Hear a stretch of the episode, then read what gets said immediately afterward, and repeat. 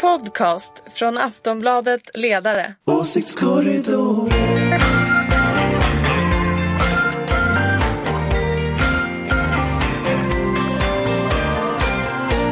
Hej och välkomna till Åsiktskorridoren. Det är ganska tröstlös november just nu. Det är så grått här ute som man tror att november driver med oss.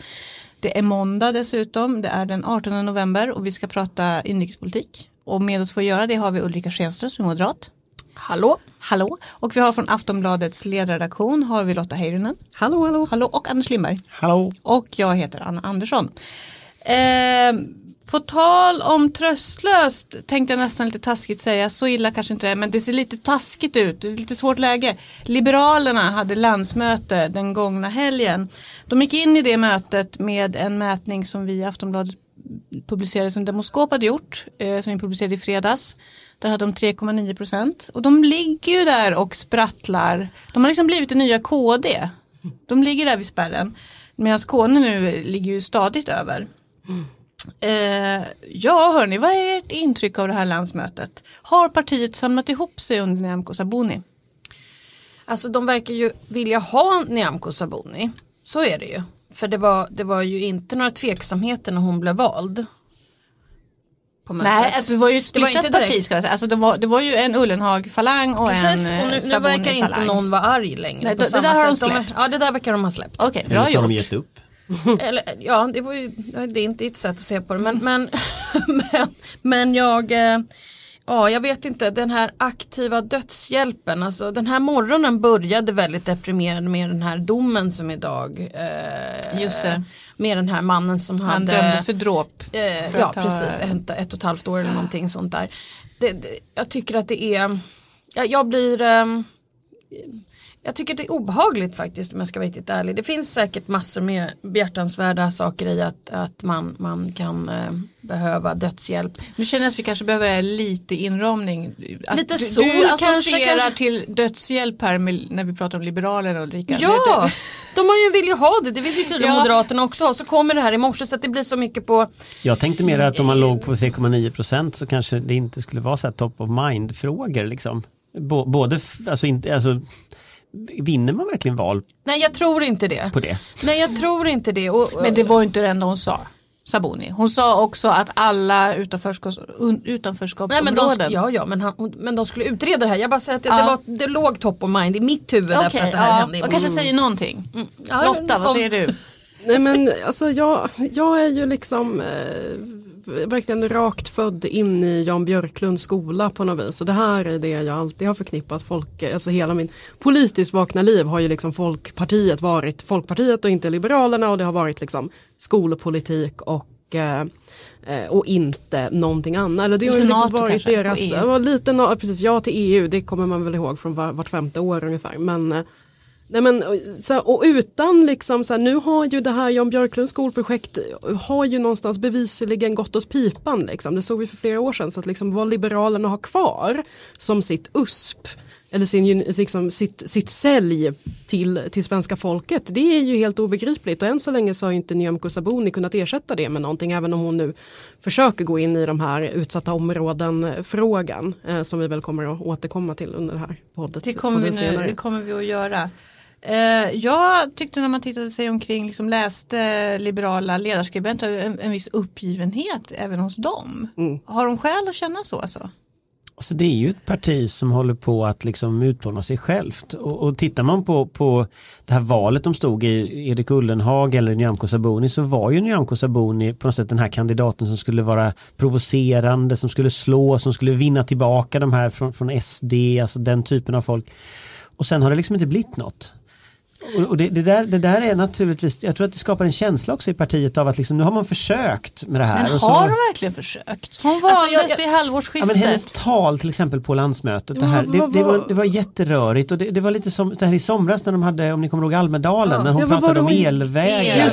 Det. Alltså, alltså, Stora. det, det, ja, men det är ju viktiga frågor men det, det är på något sätt det paketeras på ett sätt så att det blir liksom ingenting. Och sen är det också konstigt, alltså Liberalerna eller då tidigare Folkpartiet har alltid eh, haft väldigt många akademiker som, som har eh, samlats kring dem. Och det har varit väldigt mycket forskningsbaserade saker. Man har varit alltså, lite finare, lite bättre än alla andra så att säga.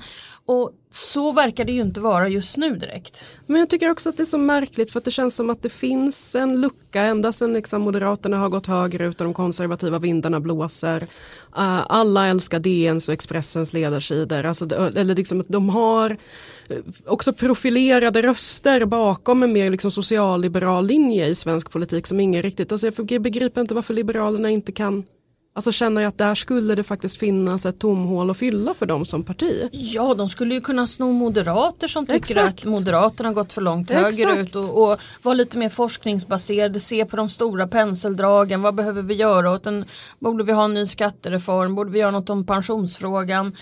Ja, ni vet jag kan fortsätta länge på det här med Men, reformerna. men omger sig Sabuni med fel folk då? Är det det det beror på? Eller varför lyfter inte det här ledarskapet? För det har det ju inte gjort. Men de kanske har valt fel partiledare. Alltså det kanske var så att, att det var någon slags fortsättning av Jan Björklunds linje även om det var så att den var, hade sina brister den också. Men ändå att den var ändå en, hade en funktion en i svensk linje. politik. Ja, men det finns inget socialliberalt parti. Det är ändå en nisch du skulle kunna ta. Det finns ganska många så batongpartier så, att, så att det är tufft för Nyamko Sabuni att tävla med KD och SD och M om väljare. Alltså det finns ett litet tomrum där just nu som bara Annie Lööf besitter. Men det är väl det problemet de som man kan säga att alla andra partier faktiskt också har problem med och det är denna besatthet av SD som ju eh, har lett till någon slags förlamning istället och leder till att de är störst i opinionen. Mm, samtidigt är ju Sabuni väldigt tydlig själv med så här just att de inte ska förhålla sig. Hon säger ju precis som du, vi måste sluta titta på SD och fatta Jo men då måste man ju också beslut. leverera politiskt innehåll och inte bara säga det för att en partiledare är ju alltså inte en politisk kommentator utan är alltså en partiledare som ska leverera politik. Okej, Men det är väl det Jaha, tyvärr. men- ringa visor. Men det, är väl det, det är väl det också som, som just nu finns. Alltså, det, man, kan ju, man kan ju vända på det och säga också att den politiska mitten där hon skulle vara är ju fylld med folk. Alltså Centerpartiet är ju där. Eh, miljöpartisterna är ju där. Många moderater hade ju egentligen velat vara där. En hel gäng sossar vill vara där. Alltså det, det, det, det finns väldigt många röster eh, där egentligen ingen sticker ut. Men det som jag tror hade kunnat sticka ut det var just den sociala dimensionen hos liberalismen. Därför att liberaler i Sverige i väldigt hög utsträckning är ganska hårda när det gäller sociala frågor. Alltså det, det är hårt och brutalt och alltså du arbetslinje. menar de politiska liberalerna? Ja, alltså politiska de, liberalerna. Alltså, det är hårt och brutalt och arbetslinje och ställa krav och bry sig och den typen av retorik. Och det är klart att en Bengt Westerberg liberalism som liksom såg till människor istället hade säkert haft ett utrymme. Liksom. Speciellt nu när sossarna lite imploderar så finns det ju väljare att ta av. Lite Barbro Westerholm-falangen kanske? Hon- Ja, kan vara. Jag vet inte. Hon, Den här hon gamla nu- drömmen om att slå ihop Centern och ja, Liberalerna. Kan, är det nu det kan hända? Att de bara liksom lägger sig ner och dör och går upp i Centerpartiet? Ja, men, de, de tycker ju ingenting som Centerpartiet. Okej. Jag tror Alltså, jag aldrig förstår de inte kommer lägga riktigt hur de skulle kunna göra det. det, det alltså, om, om, Centerparti, om det värsta för en centerpartist är att flörta med SD så blir det väl lite svårt då med dagens liberaler. Ja, det har du faktiskt rätt i. Det blir lite Det känns svårt. Ja. inte som- Hur lång tid har Sabuni på sig? Mandatperioden ut eller? Alltså det, det, om man kollar på, på eh, Maria Leissner som ju var liksom eh, också en, en, en ledare, många likheter ändå med Saboni. Hon föll ju när opinionsmätningarna, om jag inte minns fel, gick de under 3% i mera permanent. Då, då bytte man ju ut henne. Eh, men det är klart, menar, Han hon var med i ett val? nej hon Nej, hann aldrig vara med i ett val. Men Eh, vilka, vilka Eller Håkan Juholt har ju varit samma sak, att liksom, blir mätningarna tillräckligt dåliga då, då har man då är Så hon tufft. kanske inte ens har mandatperioden på sig alltså? Jag skulle, inte, jag, skulle inte, jag skulle inte satsa min skjorta på det, nej. Vad har de för, vad har Liberalerna kvar för andra alternativ? Det Du menar de liberala väljarna eller? Nej, alltså, Alltså som partiet- om de, partiledare om, precis, om de nu skulle behöva byta ut Sabuni, var liksom, så här, det är ju inte, det är inte många partister de har till att börja med. Liksom. Nej, de bytte ut stora delar av sin partistyrelse också noterar jag. 14 av 25 är nya i, i partistyrelsen. Så det, det verkar ju som att de ändå försöker med något förnyelsearbete i partiet. Inklusive eh, partisekreteraren är ny också, såg jag. Mm. Ja, nej, vi, är- vi är stumma, vi saknar ord, lite som Liberalerna. Men det finns ju några kvar, alltså Johan Persson, Persson. dyker ju upp i Mats riksdagsdebatterna. Persson. Mm. Mats Persson. Nej, men, eh, sen så finns väl Ullenhags lilla falang där i ett hörn ändå. De kanske kan hosta upp något annat namn eh, som är mer valbart. Ja, det verkar inte, traditionen går ju inte åt att man måste ta någon från riksdagsgruppen än men jag tycker kanske att den här är lite prematur den här diskussionen. Okej, okej. Förlåt Saboni. Vi, vi, vi återkommer i frågan om det blir aktuellt kan vi väl säga. Ja, men sagt, man har många gånger räknat ut KD också historiskt. De har alltid legat, så vi får se. Vi får se. Eh, men som jag sa inledningsvis så publicerade vi, en, eh, vi i Aftonbladet en opinionsundersökning i fredags som Demoskop. Och, men den stora nyheten där var ju inte att Liberalerna låg under spärren utan det var ju att SD nu är största parti. Det kom en SIFO-mätning som Svenskan publicerade som visade ungefär samma sak. Blev ni förvånade? Eh, nej, Nej. Nej, ja, men tidsfråga har det väl känts som. Ja, nej inte jätte faktiskt. Nej, och då ska vi säga att det var ändå Socialdemokraterna som var näst störst, 22,2 och Sverigedemokraterna hade 24 procent. Moderaterna ligger nu nere på 17 procent Ulrika. Varför ser det ut så? ja alltså det är ju likadant som för Socialdemokraterna. Att Socialdemokraterna ligger på 22 procent är ju kanske unheard of. Moderaterna har ju ändå gått upp och ner ända sedan Hedenhös och, och gått någonstans mellan 11 och 30 procent. Eh, Ganska vitt spann. Ja, men jag tror också att Moderaterna går ner på grund av att man, man har bestämt sig för att man man vill inte prata med alla men ja, frågan är ju egentligen inte någon stor längre. Man har valt SD-inriktningen, att man kan tänka sig och så och jag tror att det finns en del där som kanske inte tycker att man ska gå högerut utan kanske att man ska gå. Men sen är det ett problem alltså. Framöver tror jag verkligen att vi går mot ett kanske vissa delar av välfärden mot ett mer förstatligande. Jag tror vi går mot mer regleringar i samhället. Eh, apropå Facebook och alla andra sådana typer av plattformar behöver mera regleringar. Jag tror att de avknoppningar som gjordes i välfärden på 80-talet har man inte reglerat tillräckligt.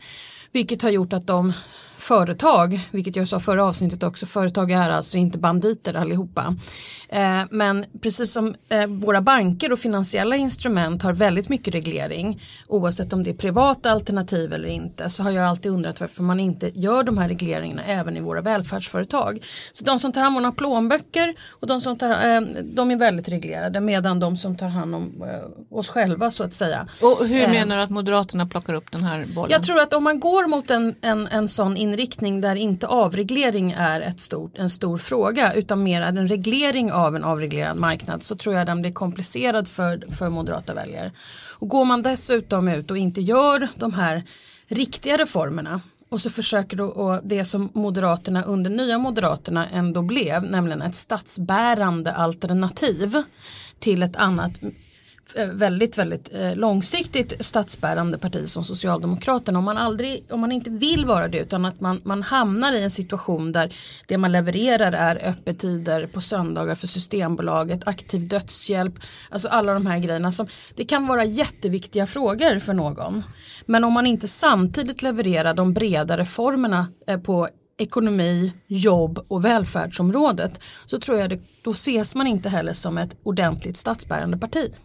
Jag tänkte också på, eh, jag tror vi han snuddade vid det förra gången, det här eh, misstroendevotumet mot eh, Morgan Johansson. Och att Moderaterna och KD hoppade på det, stärker inte det intrycket av att SD som leder oppositionen? Jag är inte så säker på att de leder en opposition. Jag är inte säker på att de kommer att klara av att leda en opposition. Men det jag tycker är tråkigt är att om man vill vara statsbärande så, måste, så tar det väldigt mycket tid att göra riktiga reformer och basera politiken på de problem vi står inför och inte kanske populistiska utspel. Vilket jag tycker i och för sig att de flesta partier håller på med just nu.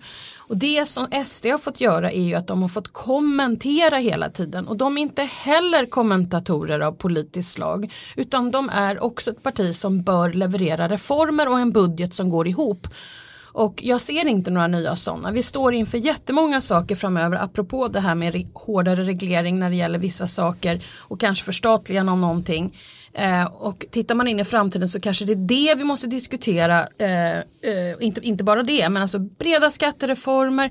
Om kvinnor kommer att dominera eh, arbetsmarknaden på kvalificerade jobb eftersom de är de som pluggar idag. Ja vad kommer det innebära för inkomstskatter, kapitalskatter skatter, pensioner, allting sånt här. Det är det här man måste göra om man ska vara statsbärande. Vi kan inte hålla på och tjafsa om, om, om gängbråk varje dag. Det är ett jätteproblem med gängbråk. Det är ett jätteproblem i Malmö. Men då måste man ju vara här och nu och samtidigt kika in i framtiden och leverera de svar på de samhällsproblem Ryan Reynolds här från Mint Mobile. Med priset på nästan allt som går upp under inflationen, trodde vi att vi skulle bring våra priser down.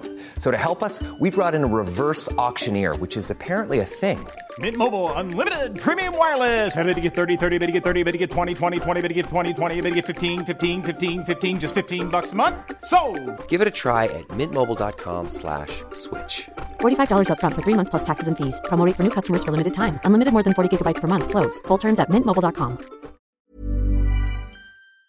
vi ser om tio år. Vilket brandtal Ja, Ulrika Schenström. Jag är så trött på det. Vill Lotta Landers fylla i någonting om Nej, helt Moderaterna?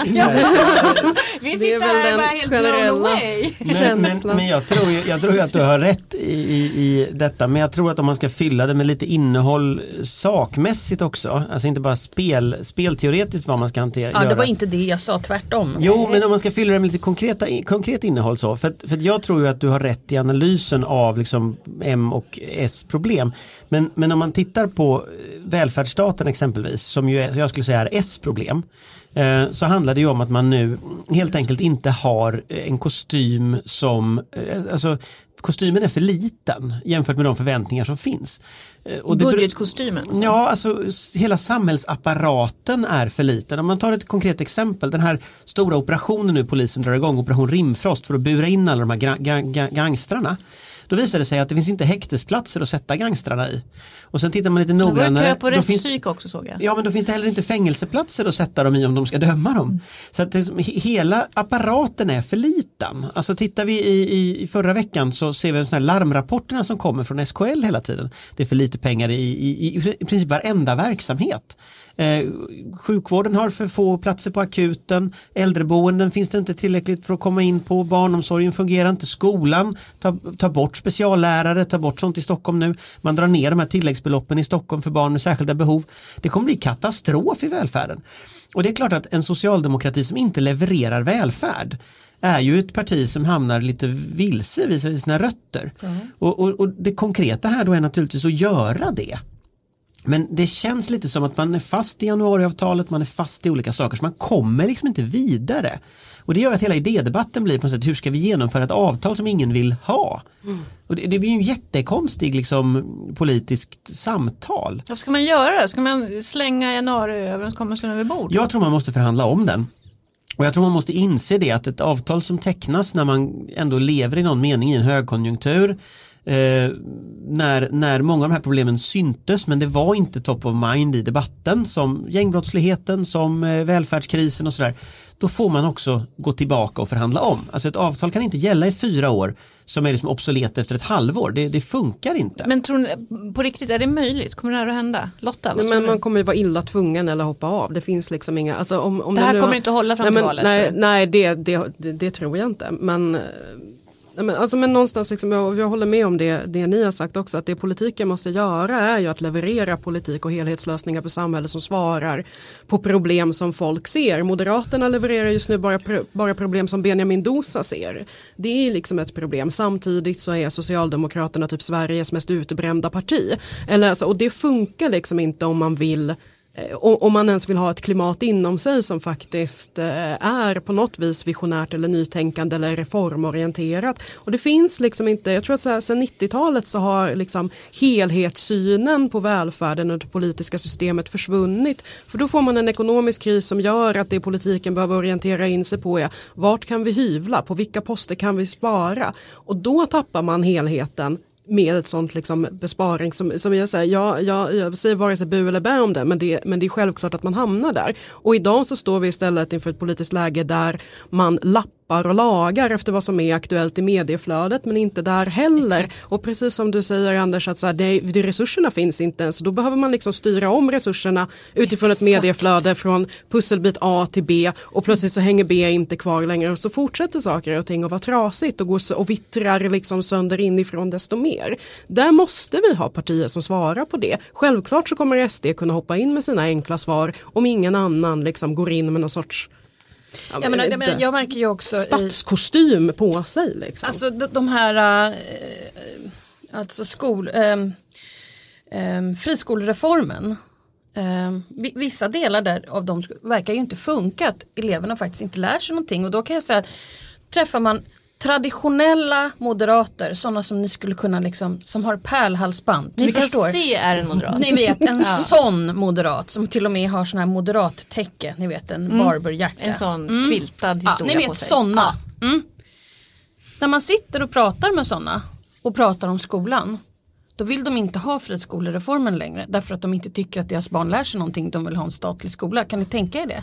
Knappt. Nej men jag kan mycket väl tänka mig det. Jag tycker att, men jag tycker att på båda höger och Alltså, vänsterkant så, händer så, är det, så är det en massa sådana omprövningar. ja. Nej men det är en massa omprövningar som måste ske och det är klart att i, i någon slags kulturkrigsscenario där en massa struntfrågor hela tiden hamnar, det blir liksom jul, vintermust som blir liksom debattfrågorna i samhället. Det är klart att traditionella seriösa partier lackar ju ur. Alltså när man inte diskuterar, och jag kan ju se, om jag tittar på liksom regeringskansliet, de partierna just nu, Alltså förr pratade man ju om att partier regerade sönder sig. Här har vi partier som förhandlar sönder sig. Och du, har så här, du, du får en förhandlingskultur kopplat till regeringsmakten som, som, som hela tiden så här, minsta gemensamma nämnare har veto mot. Och det är klart att då kan du inte göra stora samhällsreformer därför att det finns alltid någon någon någonstans i det här fyrpartisystemet som har veto mot allting nytt. Och, och problemet blir ju att då, då, då bromsar ju regeringsmakten in och stannar. Så på ett sätt så kan man ju säga att den här regeringen just nu håller på att hamna i den fällan som den alliansregeringens andra mandatperiod var. Att du har liksom gjort de saker du ville göra, som du kunde göra och nu så börjar du tugga fast. Och då, då vet vi vad som hände, då förlorade ju alliansen det valet. Eh, och, och jag är ju orolig att om, om inte S i alla fall rycker upp sig nu så, så ser vi fram emot liksom en, en, en fortsättning av det här opinionsläget. Och då tror jag 22% för sossarna, det tror jag de ska vara glada för. tror du har helt rätt i det. det kom, alltså, om inte sossarna rycker upp sig nu så, så kommer det att se ut så här och kanske de blir ännu större Det är Sverigedemokraterna. precis, men det har väl man också sagt i tio års tid någonstans. Att, men, men frågan är hur, hur man gör det. Jag tror att det finns någonting i Socialdemokraternas partikultur som liksom eh, ja, men alltså, det är ju inte så glatt innanför de dörrarna kan man väl säga och det har det ju aldrig varit. Man, alltså, man firar liksom ingenting. Det finns liksom ingen, allting är ett misslyckande för att alla tänker tillbaka till alltså, en, en, tid som jag aldrig har levt i att S har 50%, 40-50%. Det är ingen i det här rummet tror som har levt i det. Men, Nej men, men precis, vi vet men, att men, det liksom att det, men att det på något vis, och det är därför jag menar att 68. man liksom upprätthåller någon sorts utbrändhetskultur, att man aldrig är tillräcklig, ingenting är bra, minsta lilla nya försök om det misslyckas så är det liksom katastrofalt och då vågar ingen göra någonting som är nytt. Och liksom, Mm. alltså det, det, det finns ju liksom någonting som man behöver ta tag i också på, liksom, från or, ett organisatoriskt håll. Ja men ring kanslihushögen, några av dem lever fortfarande. Så kan du fråga dem. Det är väl det här idén med att riskminimera sig in i alla processer. Att Ja. liksom du ska riskminimera bort alla politiska risker och så jo står du där till detta slut. beror ju på att våra politiker ser sin politiska roll som en karriär och inte ett kall. Vilket gör att man hela tiden ser riskminimeringen som en, en religion faktiskt. Och fast det där För att behålla sin pa- position. Jo då, det Ja, är men vänta, väldigt många. Ja, Lotta. Ja, nej men, jag, nej men alltså, så jag, alltså visst, det finns en karriärkultur som, eh, som inom politiken, säkert inom alla partier, som, eller åtminstone de som har haft med regeringskansliet att göra, som, är, som är bitvis osund. Men jag, har, jag måste ändå säga att jag har ändå träffat ganska få politiker, vare sig det har varit på, på riksplanet eller på lokala planet som, eh, som faktiskt, alltså kanske mer vanligt på tjänstemannasidan, men liksom att politiker ser alltså inte ser det som ett kall, som inte har liksom en sorts väldigt seriös ingång i det och sen så försvinner man bort i just den här förhandlingslogiken liksom, som, som Anders pratar om och så vidare. Liksom. Men, Ja, eller Tappa fästet. ja, men, ja men jag vill inte vara så cynisk. Ulrika. Jag är det, jag är fullblodscyniker. Ulrika har varit lite längre i svängen. Ja, ja, precis. Hörni, eh, vi har varit inne på eh, krimfrågan, som fortfarande överst på dagordningen får man väl säga. Igår så satt Stefan Löfven i Agenda och skulle svara på frågor i detta i en enskild intervju med Anders Holmberg. Eh, hur tyckte ni han klarade sig? Det var lite flummigt va? Ja, han, han levererade ju faktiskt inte vad man skulle göra ordentligt. Eh, det fanns säkert flera saker som var eh, bra, men jag tycker nog att som statsminister i rådande läge, där det är ganska akut läge med en massa särskilt unga pojkar som skjuter varandra, så tror jag man kanske måste leverera, leverera någonting handfast. Jag har sagt hela tiden, skicka ner någon sån här stenhäcksor och röj upp där nere. Och jag vet Anders att det inte finns några platser för det ena eller det andra. Men alltså, det är inte så att alltså, kan vi åka till månen så borde vi kunna röja upp i Malmö och göra en tunnel i Hallandsåsen. Men, eh, men, eh, nej, men jag, tror ju, jag tror ju att polisen gör rätt mycket. När man, när man pratar med polisen, man pratar med NOA, de är ansvariga för det här på nationell nivå, då pratar man ju just om behovet av kraftsamling. Att, att man kan ta befintliga resurser, kraftsamla för att liksom lösa just den grova organiserade brottsligheten och att det blir en respit. Men man säger också, om man är jättetydlig med det, att det blir bara en respit. Därför att återrekryteringen idag är så stark att du kommer att återrekrytera nya gangstrar till de här, de här positionerna. Och kring marknaderna för liksom cannabis, för kokain, för vapen så sker det en kapprustning mellan de olika aktörerna som, som nästan som en militär kapprustning. Där, där förr kanske räckte att man slog varandra på käften, sen räckte det att man högg en kniv och nu ska man skjuta varandra. Och, den, spränga en bomb. Och spränga en bomb. Och den, den kapprustningen fortsätter ju. Så även om man kraftsamlar och griper liksom toppskiktet så, så kommer det ju komma Kommer nyrekrytering. Men vad tyckte du om Löfvens insats i Agenda? Ja, jag tycker väl att det var väl kanske bristen. Att, att jag tror att Löfven, jag tycker han är väldigt tydlig och jag tycker att han eh, pratar bra, medkännande om brott och brottsoffer och så vidare. Eh, och den här polissatsningen är en bra satsning, Operation Rimfrost som den här stora satsningen, den är en bra satsning. Men sen finns det då ett dilemma och det är att, att 100 kommuner ungefär kommer att gå med underskott i år. Och när man pratar om förebyggande arbete då är det skola, det är socialtjänst, det är långsiktigt arbete man menar. Och det är ju precis det som skärs ner när man nu skär ner samhällskroppen eh, som en konsekvens av den här budgeten. Så jag tror ju att den ena sidan är det här hårda tagen och poliserna. Men det andra det kommer att vara en systemfråga som, som handlar om skattenivåerna, som handlar om att mycket mer peng, av vårt samhälles pengar måste in i och se till att alla unga klarar skolan, att socialtjänsten kan omhänderta ungar i riskzonen, att liksom hela det här kringet fungerar.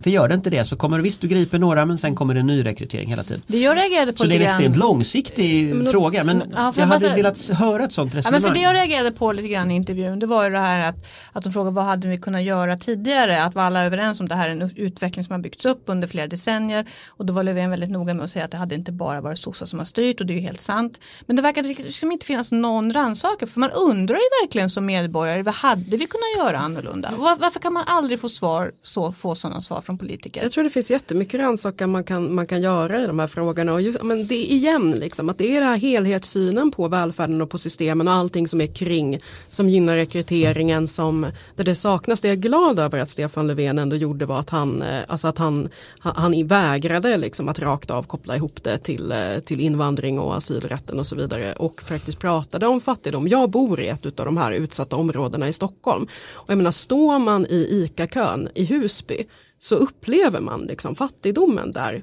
direkt. Alltså det kan vara korta köer men det tar jättelång tid att ta sig från slutet av kön till kassan för att alla som står framför en i kön behöver dubbelkolla. Kostade, så här, kostade det här verkligen så här mycket? Kolla kvittot men vänta jag trodde att det här var på erbjudande. Eller liksom rassla fram sina rabattkuponger och så vidare. Alltså fattigdomen är utbredd och samlar du väldigt många personer i väldigt utsatt situation, arbetslösa i, liksom, på en väldigt liten yta och dessutom liksom plockar undan samhället och alla samhällsstrukturer därifrån. Då är det självklart att man står i den här situationen.